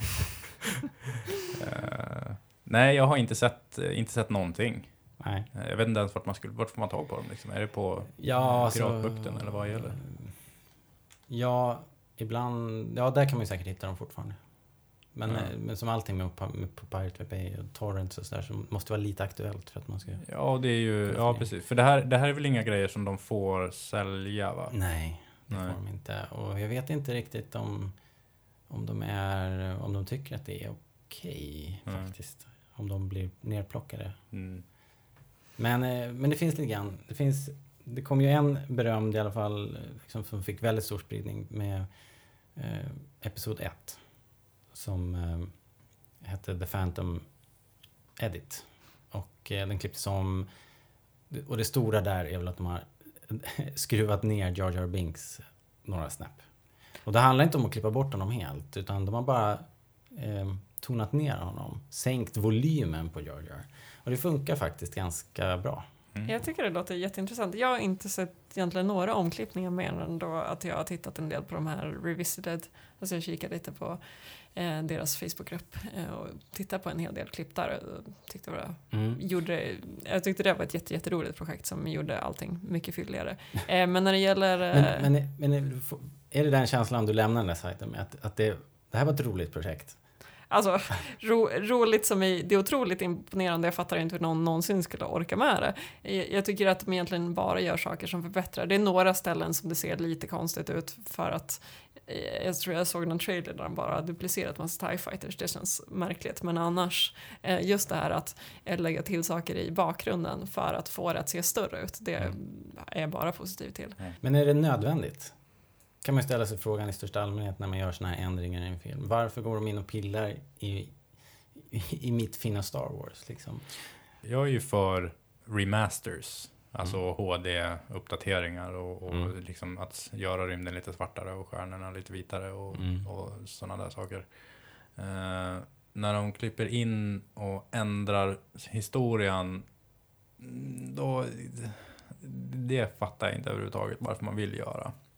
Men det Ja. var det jag tänkte komma fram till. Att eh, jag har inte sett den här eh, omgjorda versionen av Episod 1. Eh, men jag tycker att det låter som någonting jag skulle vilja se. Jag känner inte att den kommer ersätta originalfilmen. Men jag tycker att eh, jag tycker att det låter lockande att se, se just Star Wars från ett annat perspektiv. Mm. Men det var det jag skulle komma till, alltså att George Lucas ändrar sina grejer.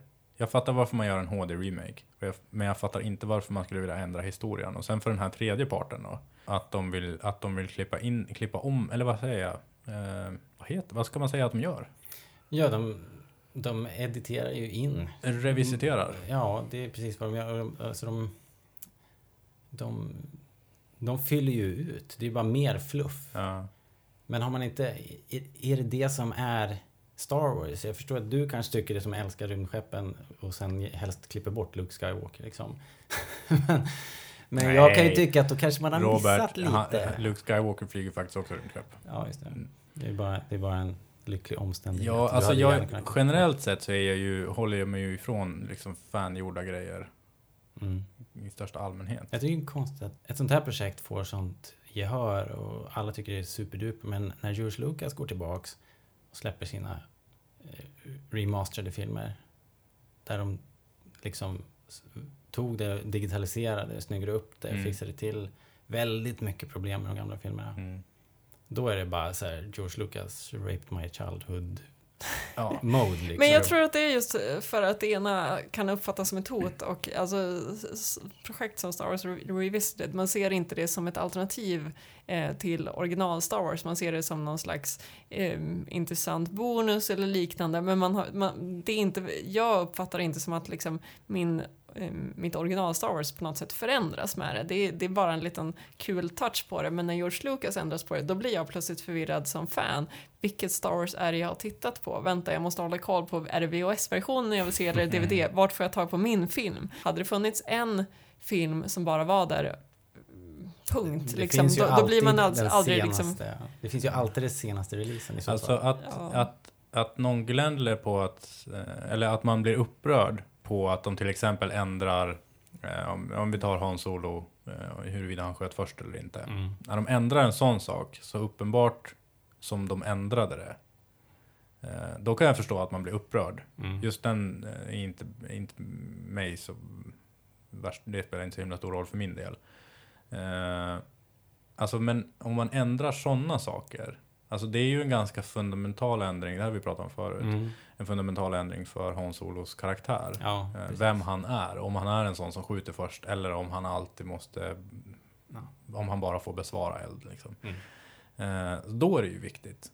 Och då förstår jag att man gnäller, för då är det ju liksom, då, då är det ju att man, att man ändrar någons uppfattning om vad man trodde att det var. Ja, hela...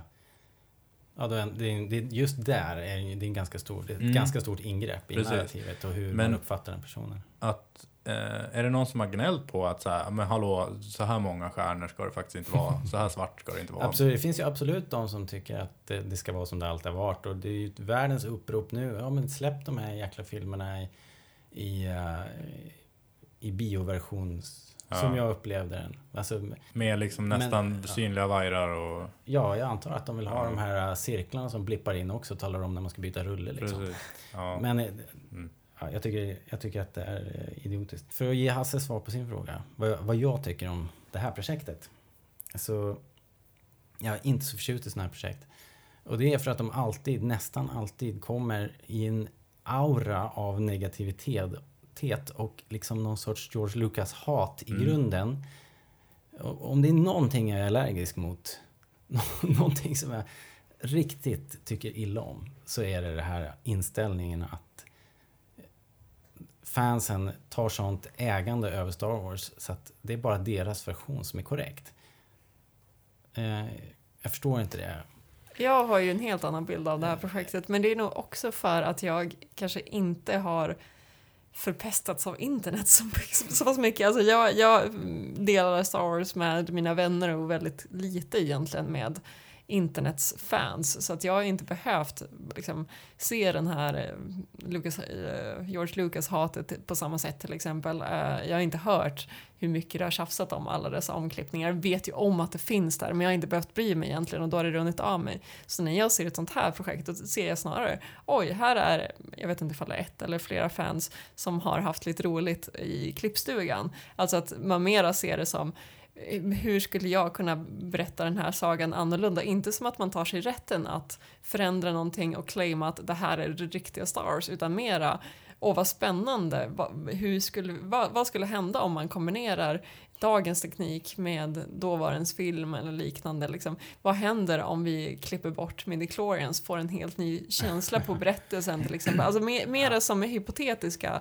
eh, vinklingar av det än att, man liksom, att någon har trott att jag, jag gör bäst. Liksom. Mm. Det är för att du är en sån klok och sansad person, Hanna. För att om man läser den här eh, sidan, om man läser, eller så är det bara att jag är gammal och bitter. För när jag läser texten på hemsidan, där den- den här Iwans texter och så, så är det ett väldigt spydigt och kaxigt tilltal.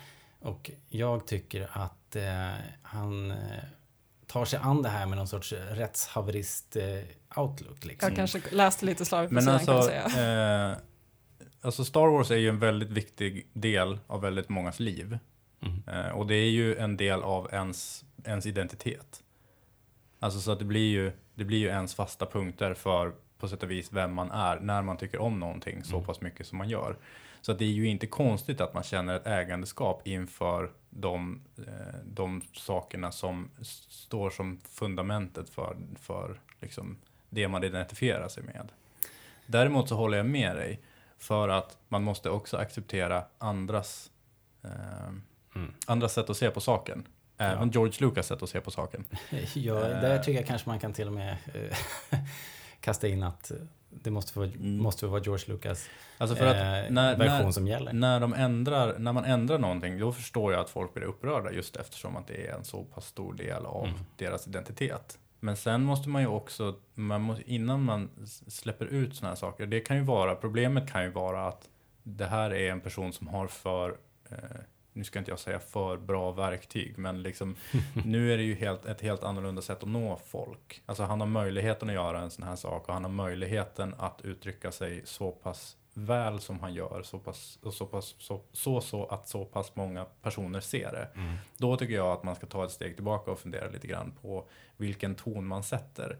För att på samma sätt som han kanske upplever att hans Star Wars och hans egen identitet har blivit kritiserad eller påverkad eller förändrad Mm. eh, av eventuella omklippningar så har ju hans sätt att uttrycka negativitet mot dem samma effekt hos Exakt. någon annan. Exakt. Det, det kommer tillbaka och bara biter honom i arslet direkt. Mm. För att för det första så um, är det ju inte bättre. Det finns vissa klipp som är roliga. Det här med, det sticker ut det här på Hot till exempel. Det var coolt liksom. Men det är flera klipp som, som absolut inte lyfter och inte gör. Utan det, blir eh, bara ett, någon sorts maniskt utlopp för hans eh, OCD liksom. Han måste, han måste få göra den här filmen som han ser den i huvudet liksom. Mm. Till, till vilket pris som helst. Han, han bygger ju liksom en special, special effects studio i sitt kök liksom. Eh, Ja, men jag, jag- nej, jag köper inte utifrån det här alls, eran, eh, jag, jag ger mig lite grann utifrån eran beskrivning. Jag, jag tror inte att jag hade satt mig in så mycket i bakgrunden i det här utan jag såg det nog mera som vad har åstadkommits själva produkten och då har jag, jag mest tittat på klippen, jag har försökt förstå hur han har gjort saker och sådär. mm. Och då är, jag tycker att liksom, tekniken bakom det är fascinerande, jag tycker att en del av scenerna ger lite mera ja, fyllighetskänsla. Mm, för det är en absolut. del som tomrum kan man säga i originalfilmerna. Eh, som jag en gång har accepterat utan problem. Men just att det, det jag, jag tycker att det är lite kul när det ser eh, fylligare ut på samma sätt som att jag gillade när Bespin fylldes ut Mm. i, i ja, Mm. de här CGI-versionerna. Liksom.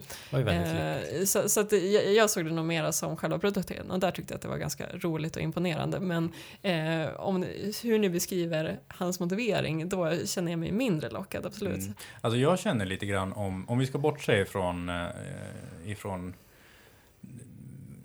hatet mot omklippningarna och allt sånt där, utan bara titta på det, den här trailern som vi fick se. Let go of your hate. Mm, precis. Jag tycker att det känns som att det är en konstnärlig person med jättebra verktyg, alltså typ bra penslar, bra färger, som målar en jättebra tavla, men hen är färgblind. Mm. Alltså för att det är, det är ju extremt mycket detaljer som ligger bakom att till exempel byta ut en stjärnhimmel i en film. Mm. Om bara prova att lära sig hur man gör en sån sak, det är alltså jättekrångligt.